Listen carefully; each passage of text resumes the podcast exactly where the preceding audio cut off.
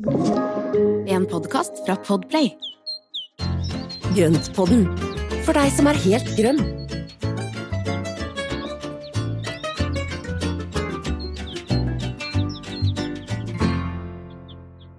Hei og velkommen til Grøntpodden. God dag, Espen. God dag, Marianne. Eller skal vi si god kveld? Ja, vi Nå begynner det å bli mørkt inn. ute. Det begynner å bli mørkt. Det blir så tidlig mørkt ute. Og vi spiller inn på kvelden. Så hvis vi er litt sånn tullete, så er det ikke fordi at vi har drukket, men fordi at vi bare er litt trøtte. Men sånn kan det være av og til. Ja. Men like glad i blomster for det. Veldig glad i blomster. Og nå har vi vært Ja. ute i hagen begge to og kost oss litt i høsthagen. Ja, men det var derfor det blei litt seint i dag, for det var mye som måtte gjøres i dag. Og det var fint vær, og, og da også få unnagjort en del mellom jobb og dette her. Det, mm. ja, det er om å gjøre utnytte tida på, på kveldene. Ja, du har lempa stein, og jeg har olja drivhus. Så vi har gjort fornuftige ting, da. Det har vi. Så jeg har lempa 1,2 tonn med, med sand og stein, så nå blir det gulv i drivhuset snart. Ja, fantastisk. Om, Herlig. Omsider. Ja, det gleder jeg meg til. Det blir Tar veldig du- gjeg. Tar du bilder underveis, så vi kan se Det skal jeg gjøre. Jeg tenkte, jeg tenkte også skal jeg lage en liten video av fremgangsmåten. Mhm. Så jeg tenkte det at jeg skal gjøre det, så den kommer litt seinere i høst. Ja, men det er supert. Vi skal jo etter hvert Så- lage gulv vi òg, så da kan vi se på den, altså. Altså Drømmen var å ha disse gamle mursteinene, altså tregelstein, i fiskebensmønster. Mm. Det er drømmen, men det ble grå, grå betongstein istedenfor. For at det var enklere å få tak i. Vi har en eller annen sånn mellomting som ligger og venter utenfor drivhuset. Det er sånn overoptimistisk tro om at vi skal få gjort det her i år, men Ja. nå ligger i hvert fall steinene der. Og det ser litt ut som bursteinen, men det er ikke helt det. Men vi skulle ha så stort, vi har så, stort område, så det drømmen om de der gamle teglsteinene, det ble litt ambisiøst. Ja, men det blir jo svindyrt. Hvis man ikke har tilgang på det sånn, Ja. sånn fra venner eller familie, så, Mhm. så blir det kjempedyrt, altså. Jeg har brukt opp mine på den der adhoc drivbenken, så den Ja, den ble jo veldig fin, så det Ja, men tusen ja. takk. Den, eh, den kan det- demonteres òg, så vi får se. Men det blir i hvert fall ikke det i det drivhuset her. Du, nå er vi allerede ute og så spinner, vet du. ja, nå, er vi, Nå- er vi ute og sykler på Ja, landeveien skal her, altså. Nå, nå, I dag har gjør vi veldig nå, Det her gleder jeg meg veldig til å snakke om, for, fordi altså løk skal vi snakke om i dag, og ikke sånn spiseløk. Ja. Kan man spise blomsterløk, forresten? nei, jeg tror man, man kan jo spise en del av de, altså spesielt disse aliumløkene og sånn kan man spise, men eh, Ja. jeg ville nå ikke anbefalt det, for at det er jo også noen giftige av de, sånn som påskeliljer og, og disse her, de skal man helst ikke spise. Nei, og vi vil jo Altså i dag så skal vi snakke om de løkene som vi har aller størst glede av, hvis vi kan la de få lov til å blomstre opp om våren. Eh, eller på høsten, for det, vi skal også ta bare kjapt innom høstløk også, for det er jo noen nydelige løker som kommer opp på senhøsten. Ja, herlig. Nå gleder jeg meg Mm. allerede til neste høst. Det er godt gjort. Nei, men da setter vi i gang, Espen. Det her gleder jeg meg til. Ja, Espen, jeg vet jo at du har jo allerede snakket om at du har fått noen løkkataloger og litt sånn som du koser deg med. Så har, du, Ja. du, har du handla allerede, eller har du en liste klar over hva du skal kjøpe? Eh, Jeg har ikke handla ennå, men jeg er i gang med å skulle handle. Mhm. Og eh, jeg har også planer om å dra og besøke et par utvalgte eh, steder som jeg vet har fantastisk løk. Mm. Så det er et, et av mine favorittgartnerier som er ute på, på Vollen i Asker som jeg skal, skal til. Eh, og så har jeg kjempelyst til å ta en tur ned til Dyre og litt sånne ting, da, i Ja. Men Mm. hvilke løker er det vi skal kjøpe nå? Skal vi kjøpe disse høstløkene nå, for eksempel, eller skal vi vente med dem? Jo da, man kan kjøpe begge deler. For at man kan kjøpe da de som blomstrer nå på høsten, for at hvis man får de ned i bakken nå egentlig i løpet av eh, i hvert fall siste halvdel av september, så kan de rekke å blomstre før frosten kommer. Oh, Og det oh ja. er jo, det er jo sånn den som heter colchicum, eh, eller tidløs, eller den kalles også for naken jomfru. Og Mhm. det er en, eh, det er en, en krokuslignende høstblomstrende løk. Og den får gjerne flere blomster fra samme løken, og så deler den seg, og så, eh, når den er ferdig med å blomstre, så visner den ned, og så er det ikke noe mer synlig før eh, Altså da kommer jo frosten og vinteren, mm. og så kommer den opp med blader på våren. Ja. Den har jo snudd helt rundt på dette her, sånn som de vårblomstrene gjør, at de blomstrer på våren med bladverk utover sommeren. Så her blomstrer den på høsten, og så har den da bladverket på sommeren, mm. visner ned og står helt stille, og plutselig så får man noen overraskelser på senhøsten hvor det da plutselig titter opp. Så jeg har jo min, min første colchicum som jeg planta og blomstra i fjor, den har nå titta opp med blomster akkurat nå, i denne uka her, faktisk. Så gøy. Kan du ta bilde av Hva het den for noe? Jeg, jeg først så trodde jeg du sa Country Club, og så tenkte jeg du sa, sa du Club, Culture- som var eh, Boy George for 100 år siden, men det er altså ikke noen av dem. Ingen av delene. Det er colchicum med da COL. Og det er en eh, Den blir også kalt for tidløs eller naken jomfru. Ja, Finnes i husker enkle. Ja, ikke sant. Den fins i enkle, den fins i fylte, den fins i eh, hvite og rosa. Mm. Kjempefine. Ja. Eh, Så det er en høstblomstrende variant. Og så har du også disse her eh, safrankrokusene, eller høstblomstrende krokus, Mm. som har da ganske intenst blå blomster som kommer på litt høye stilker. Blomstrer på samme måten nå på høsten, og så får den blader på våren og sommeren. Også nydelig. Det er Ja. liksom, og det er veldig, veldig spennende når du har løk som titter opp mellom høstløvet. For at du får en helt sånn eh, merkelig kontrast, for dette, det er noe man forbinder med våren. Det var veldig godt at du sa det, for det her visste ikke jeg noen ting om. Så jeg hadde fått sjokk og trodd at eh, klimakrisen var enda verre hvis eh, jeg hadde sett en, en høstblomstrende løk. Men også så herlig at vi kan få litt sånn på høsten. Så hyggelig. Ja, og det er liksom mye å glede seg over nå på høsten også, så det er jo, det er jo en av de der høst, altså de høstblomstrende løkene og knollene, de er liksom gøyale, og så i tillegg så må vi jo begynne å tenke på da våren, altså Ja. med da tulipaner og krokus og ruteliljer, eh, påskeliljer, pinseliljer, tassetter, eh, alt gøy som man kan Mm. putte ned i bakken. Mm. Stort og smått. Stort og smått. Ja. Det som jeg vil anbefale er også, hvis man har lyst til å kjøpe høstløk eller vårblomstrende løk, så kjøp de så fort som mulig. Så ikke de har ligget i en varm butikk hvor de har tørket og begynt å skrumpe inn, sånn Mm. at de har maksimalt med krefter, så kortest mulig vei hjem og rett ned i bakken. Ok, så vi kan begynne å stappe dem nedi nå. Ja, ja, ja, umiddelbart. For det de gjør da, det er også å begynne å sette røtter, og så begynner de å trekke opp og gjøre klart et, et skudd som da skal ligge og vente på våren. Mm. Da står den klar til å komme tidlig neste, neste vår. Men, og det, veldig enkelt tips er altså hvordan de skal se ut i butikken. At de skal, de skal ikke være innskrumpet. Er det det man skal se etter, stort sett? Det, ja. Så de skal være faste i fisken, og de skal være litt sånn eh, Ja, du skal se at de er liksom faste i fisken. Mm. Så er de innskrumpa, eller hvis det er kommet noe mugg eller tørråte på de, da vil jeg ha styrt unna. Da vil jeg ha latt være å ta de. Ja. Så da ville jeg valgt noe annet. Godt råd. Skal vi da bare ta det veldig sånn praktisk, da, tenkte jeg. Ja. Vi nå, nå har vi da vært og handla, og så skal vi Mhm. stappe dem i jorda. Hvor Ja. dypt? Godt spørsmål. Eh, Det er eh, Altså, tommelfingerregelen er at du planter de tre ganger løkens høyde. Sånn at hvis du har en løk som er eh, Si at du har en, eh, en påskeliljeløk da, som er Mhm. fem centimeter høy. Da skal den 15 centimeter ned i bakken. Oh, ja, Så, og såpass, det ja. er liksom veldig, ja, så det er egentlig ganske enkelt. Men hvis du har disse her små snøklokkene, så skal de, altså de er jo ikke mer enn et par centimeter, så da er det liksom fem centimeter ned i bakken eller seks centimeter ned i bakken, så da er det bare en liten sånn vipp opp torva, og så sette de under, og så Ja. plante de der. Plantedybden er jo helt avhengig av hvor stor eller hvor høy løken er, så da er jo da det å få den ned tre ganger sin egen høyde.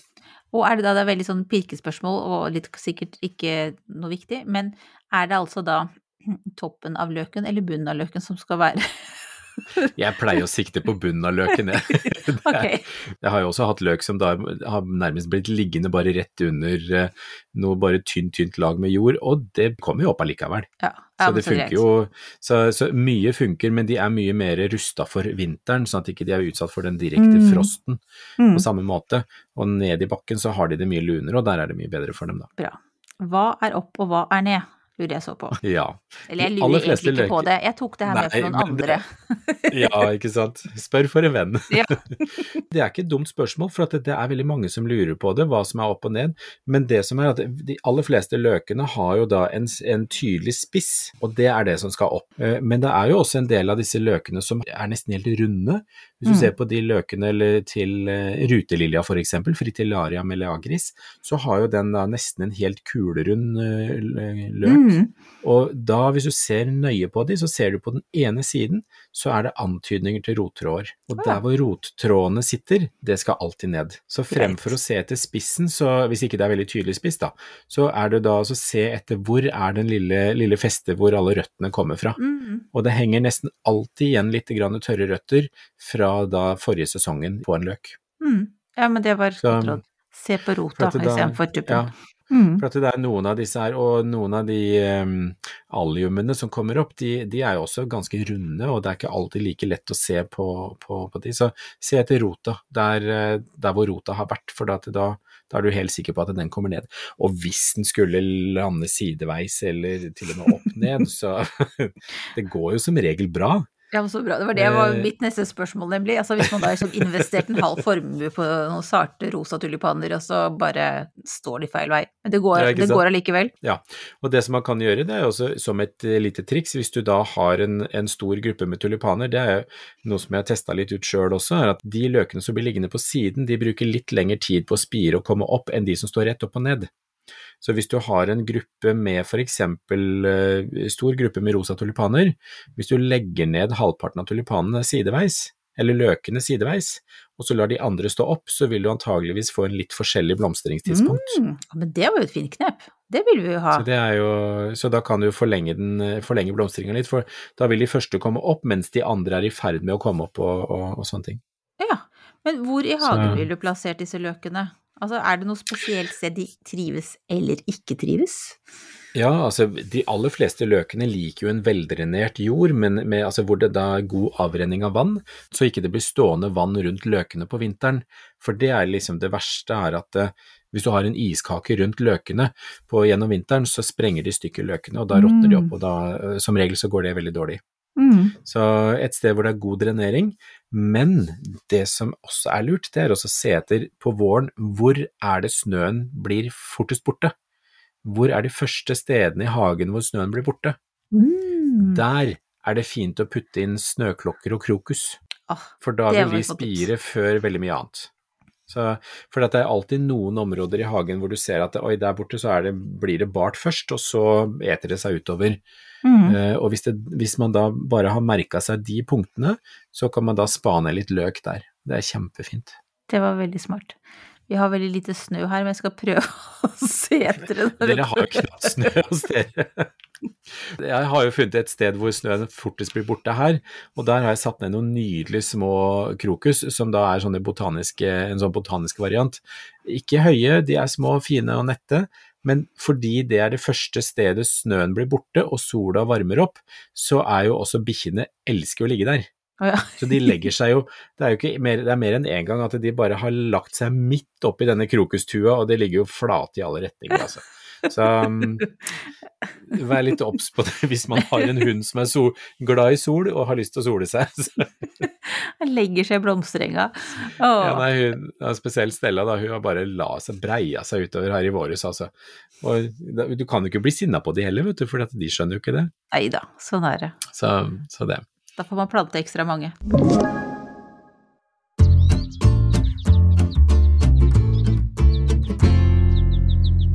Du, jeg fortsetter på den der veldig praktiske spørretimen min, jeg. Eh, fordi jeg lurer, jeg lurer jo også på hvor tett jeg skal sette dem.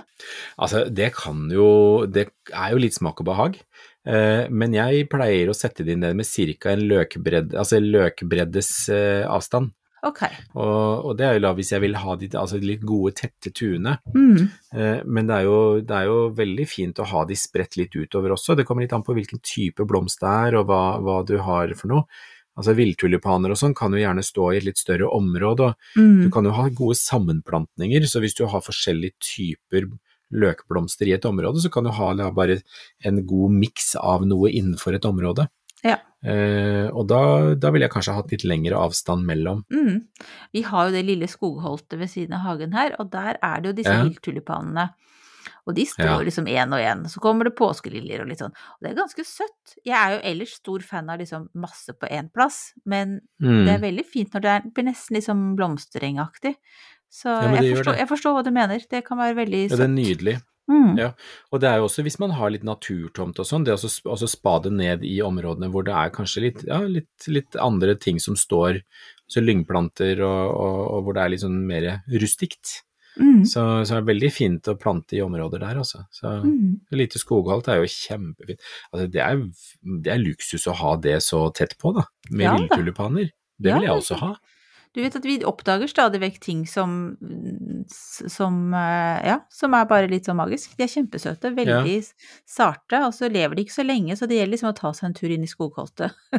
Ja, I den Men de perioden. seg Ikke sant. Men de sprer seg jo både med frø og med deling, sånn at de kan jo spre seg, spre seg fint i området. Mm. Vet du hvordan er det de ser ut, husker du det? De er gule og veldig spinkle. De er veldig, veldig enkle, liksom. Jeg tror Mm. de heter et eller annet med turmekki... Tur... Turmstan. Mm, Det stemmer. Men altså, gode gamle villtulipaner, de er kjempefine. Veldig, veldig søte. Så mm. Neste spørsmål. Mm. Kan en løk bli til to? Og nå sa du jo egentlig litt hvor For jeg, det jeg lurte på var om liksom, kan, sprer de seg, og det svarte du litt på nå, da. Men kan du Ja, utdype Og det, dette? og det, ja, og det. Ja, det gjør det jo. Altså etter at hvis, altså hvis, hvis Det som er viktig med en, en løk, uansett hvilken løk det er, det er at den gir jo all kraft til blomstringa, og så kommer bladverket etterpå. Mm. Altså bortsett fra, bortsett fra disse her høstløkene vi snakket om i stad. Men de som da er vårblomstrende, som da kommer opp med blomsten, og så har de bladverket etterpå, det som er kjempeviktig, det er at de får lov å beholde bladverket sitt. For det bladverket, det er med på å bygge opp løken og kreftene til løken for en blomstring neste år. Ja, ja. Så hvis man fjerner bladverket, så har du egentlig tappa løken for alle krefter, og så fjerner du deres mulighet for å fylle på med nye krefter med det gamle bladverket, eller med det, det bladverket som, Mm. som kommer opp etter blomsten. Uff da. Og det Ja. er kjempeviktig at de får lov å stå til bladverket begynner å visne og begynner å trekke næringen tilbake i løken.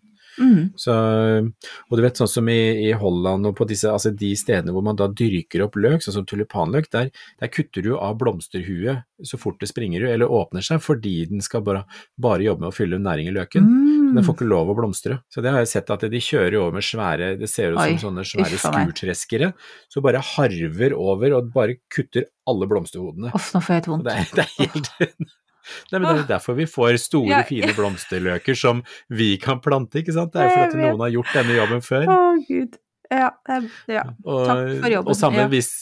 Og, og samme hvis du har en, eh, en tulipan eksempel, hvis du har lyst til å ha igjen den neste år, og så istedenfor at du lar den gå i frø, for den vil jo også kunne sette frø som da sprer seg videre, Mm. så kniper du av den der frøkapselen eh, etter blomstring, for at Mhm. da vil den bruke alle kreftene på den løken, istedenfor å bruke masse krefter på å lage frø som skal spre seg.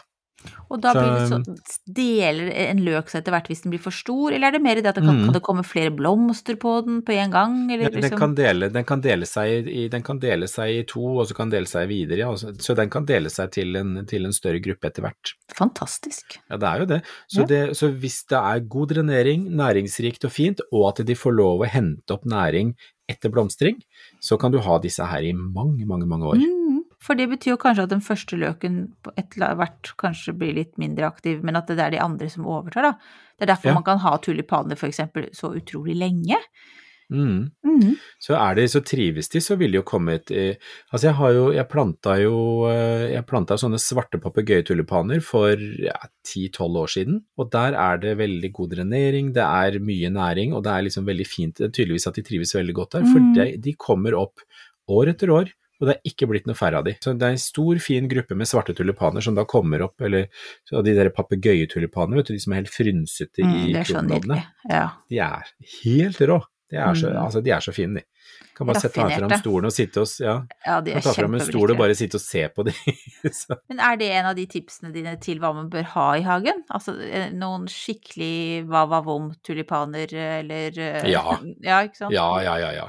Altså papegøyetulipaner. Altså, jeg hadde jo også en ny en i, som jeg planta i fjor høst, som kom opp i år. En som heter Green Wave, som eh, Ja, det er den faktisk vi skal bruke på, på eh, episodebildet vårt. Ok, jeg denne gangen. skrive det opp. Green Wave. Og den, ja, og den hadde i tillegg til at den var helt fantastisk, i grønne, hvitaktige og rosa sjatteringer, papegøye, frynsete kronblader, Mm. så sto den altså i Altså Til tross for den varmen som var da i, i slutten av mai, begynnelsen av juni, så sto de blomstene i fire uker. Jeg tuller ikke. De sto i fire Fy uker, altså, fader. Før de, før de slo seg sammen. Så vet du hva, den, den skal jeg ha mer av. Ja, det forstår jeg godt. Så den er på handlelista. Den er på handlelista, og ja. det er veldig mye spennende tulipaner, altså. altså hvis man begynner å se på hva de, de oppdretterne, eller de eh, tulipandyrkerne har kryssa fram og fått fram at det, ja, ja. tulipaner kunne vi hatt en hel episode om. ja, Bare historien, all den galskapen som har vært rundt det å kjøpe tulipaner Ja, og sånn. vet du hva, det skal vi gjøre. Det skal vi gjøre ute litt seinere i høst, så tar vi en eh, tulipanepisode, så snakker vi litt om det. Der er det mye historie. Ja, det er det, men nå roer vi oss tilbake igjen. Nå, nå, Ja. så, jeg, nå så du at jeg ble litt redd for at jeg hadde satt deg i gang. nå har du egentlig snakket litt om hvordan man kan uh, bruke løk på ulike måter ved å sette de sammen, Mm. og vi har også sagt legg, legg noen løker på tvers, så får du mer sånn uh, blomstring over lengre tid.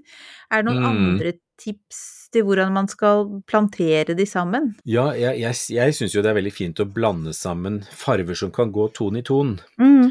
Eh, og det som du ser også på disse, disse tulipanene, eller nå snakker vi igjen om tulipaner, men også påskeliljer. Hvis du da ser på, på pakkene, så er det som regel, eh, eller det er alltid, beskrivelse av hvor høye de blir, og ca. når de blomstrer. Mm. Eh, og så er det jo selvfølgelig bilde av blomstene, slik at du da vet hvilke farger som kommer opp. Men det som da er litt morsomt å se på, det er jo da de, hvis du da kan plante inn en gruppe med f.eks. de ordentlig høye tulipanene, og noen som da kanskje bare rekker halvveis eller et lite stykke oppå, Mm. så får du to lag med blomster. Mm. Og det er veldig fint, for at Ja. da får du de blomstene på toppen i én farge, og så får du et, et nytt lag innimellom, litt lavere med en annen farge. Ja. Og det er, eh, det er veldig kult, altså. Så da kan man, få liksom, kan man eksperimentere litt både med farver og høyder. Mm. Så, og ikke være redd for å teste ut ting, altså, for dette, dette her er jo Det går jo an å flytte på det hvis man ikke får det til å funke. og tenker Alle blomstene på våren er jo kjærkomne, og de, vi liker jo alt som kommer opp. det er, man er vel ekstra begeistret for alt som stikker hodet opp av jorda da, altså. Det er, Ja. eh, ja. Men jeg er tenker på hvis, en annen måte å gjøre det på er jo hvis man planter i krukker. Da kan man jo Ja. flytte litt rundt og sette litt forskjellig. Nå ser jeg da for meg Klaus Dalbys inngangsparti. Ja, men altså, de krukkene der, de er jo helt ville. Det er jo det er så fint. Men i Danmark så har man en litt mildere vinter, så det er enklere å overvintre de krukker. Mm. Så Ja, hvordan gjør man det egentlig? en? Hvis man, skal, hvis man gjør det på den måten, hva, hvordan overmåte God drenering. Ja, okay. God drenering, god drenering, god drenering. Altså det er De aller fleste løkene vil jo tåle frosten men, og kulda, men de tåler ikke den der isdannelsen som ofte blir i krukker. Mm. Så det man kan gjøre, det er jo da altså la de få Altså de skal jo være fuktige og sånt når man, når man planter de, og la de stå til frosten kommer, og så trekke de inntil husveggen og legge noe over de, sånn at det ikke kommer så mye snø og is oppi. Ja, noe sånn jute så eller et eller annet sånt man dekker Ja. til.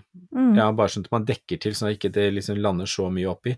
Eventuelt å sette de inn under tak inntil en husvegg, eller i en bod som er utendørs hvor det er kaldt. Mm. Og så kan man ta de fram når det, er, når det begynner å bli litt grann mer vår. Eh, men de skal jo ikke tørke ut heller, sånn at det er liksom balansere denne, her, eh, denne fuktigheten litt. Grann. Mm.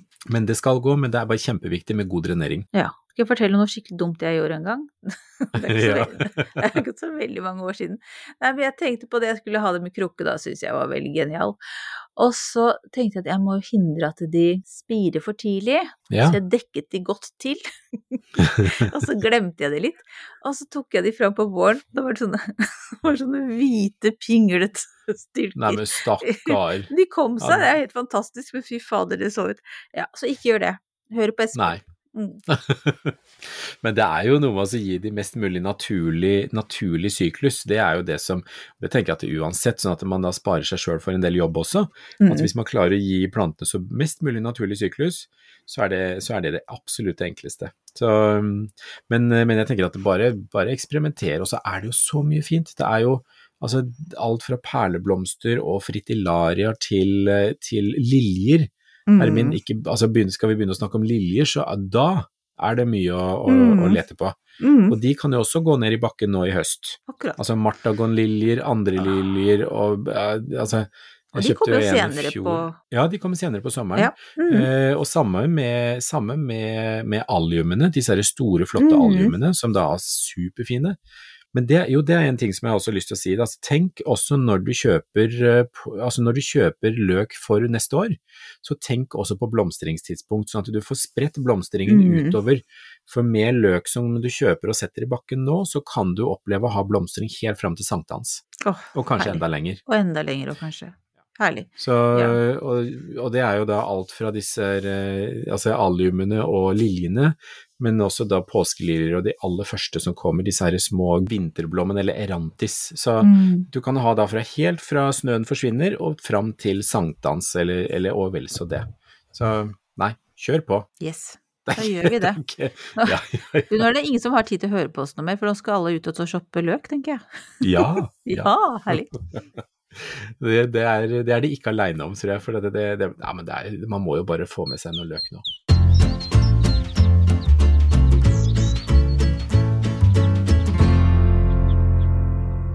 Hardt og brutalt over til eh, våre faste spalter, Espen. Ja. uh, ukas plante er i dag hoia. Ja, mm. og det er jo også en av mine store favoritter. Altså, jeg er veldig lett å glede, skjønner du, for jeg har veldig mange favoritter. Du kan, du kan, aldri lage en bok om mine favoritter, det må være sånn disse plantene liker jeg kanskje litt mindre, kan du lage opp. Ja, ja mm. det kan jeg gjøre. Men Hoia, det er jo en stor, stor, stor eh, nydelig familie, og i gamle dager så, så samla jeg på en del av dem, så jeg hadde jo en hel gjeng av dem, litt forskjellige typer.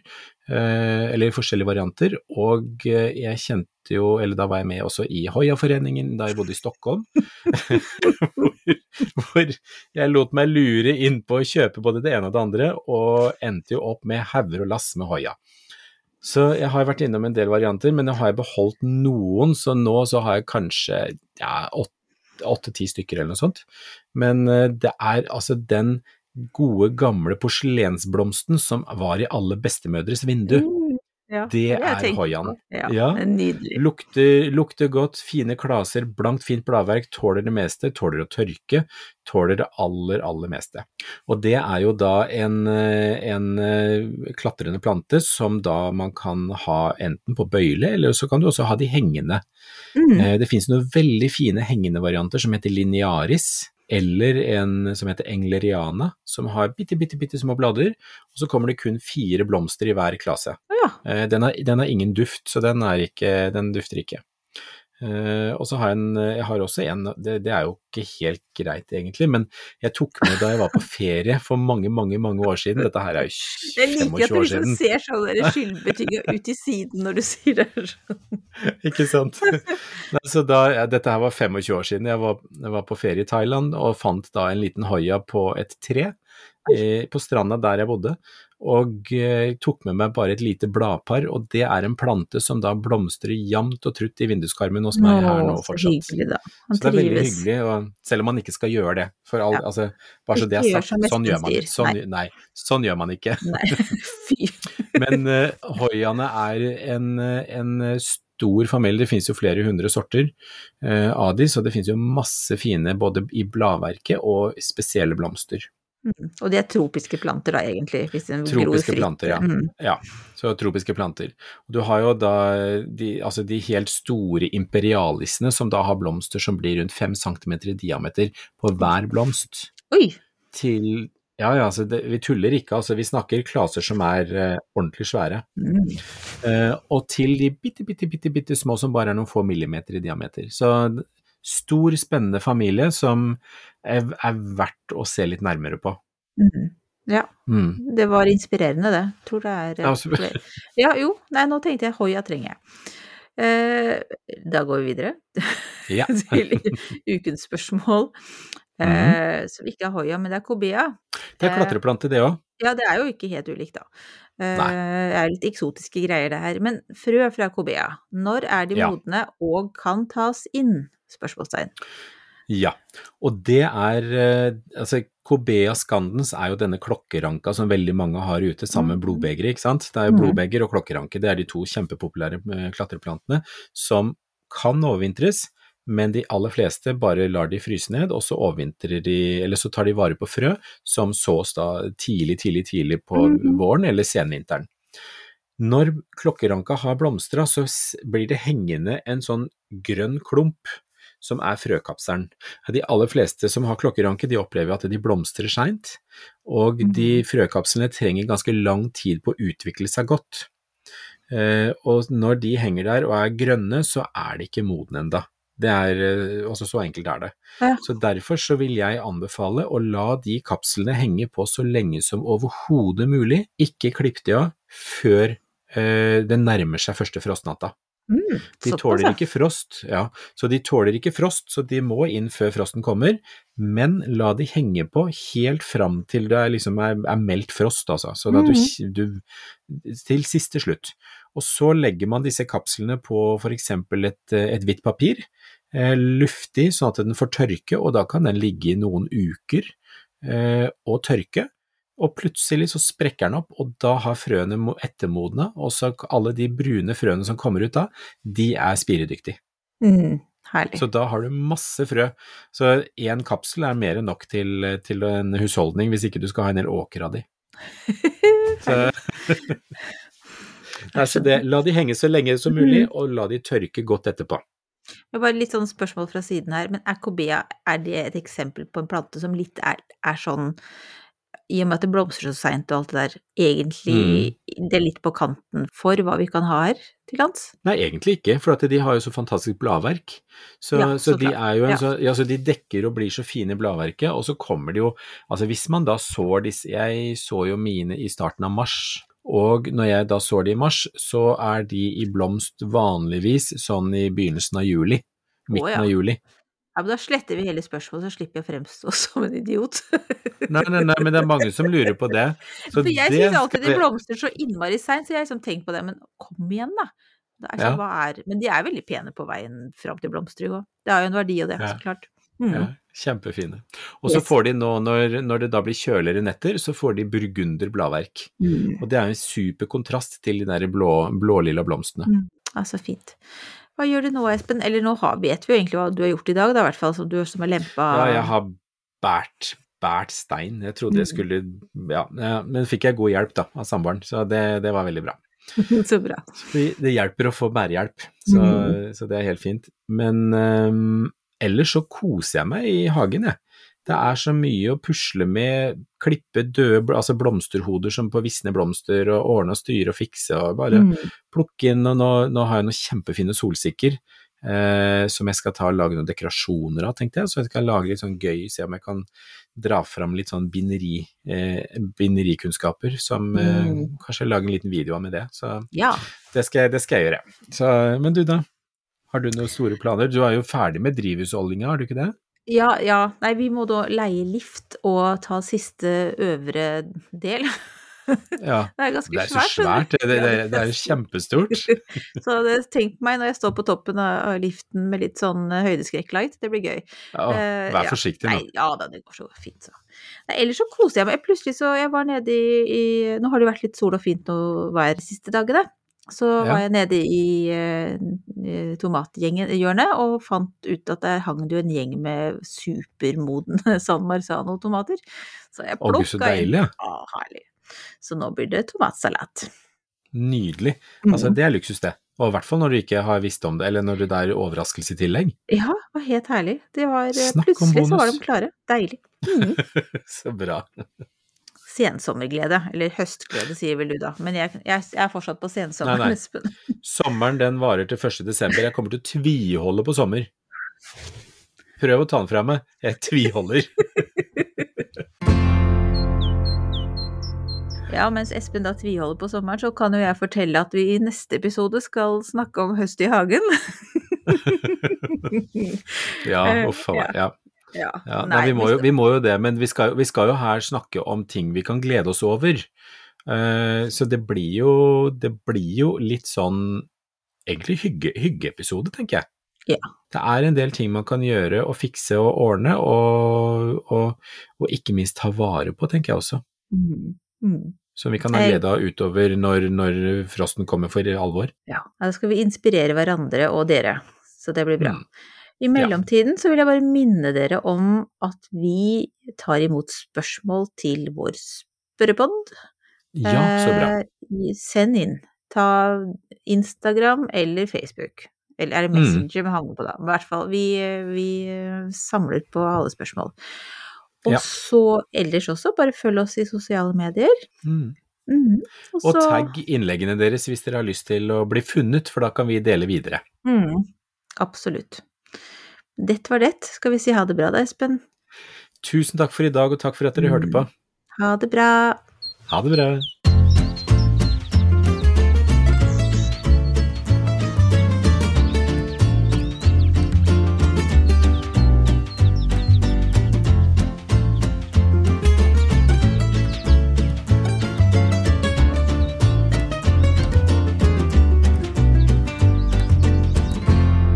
Du har hørt en podkast fra Podplay. En enklere måte å høre podkast på. Last ned appen Podplay, eller se podplay.no.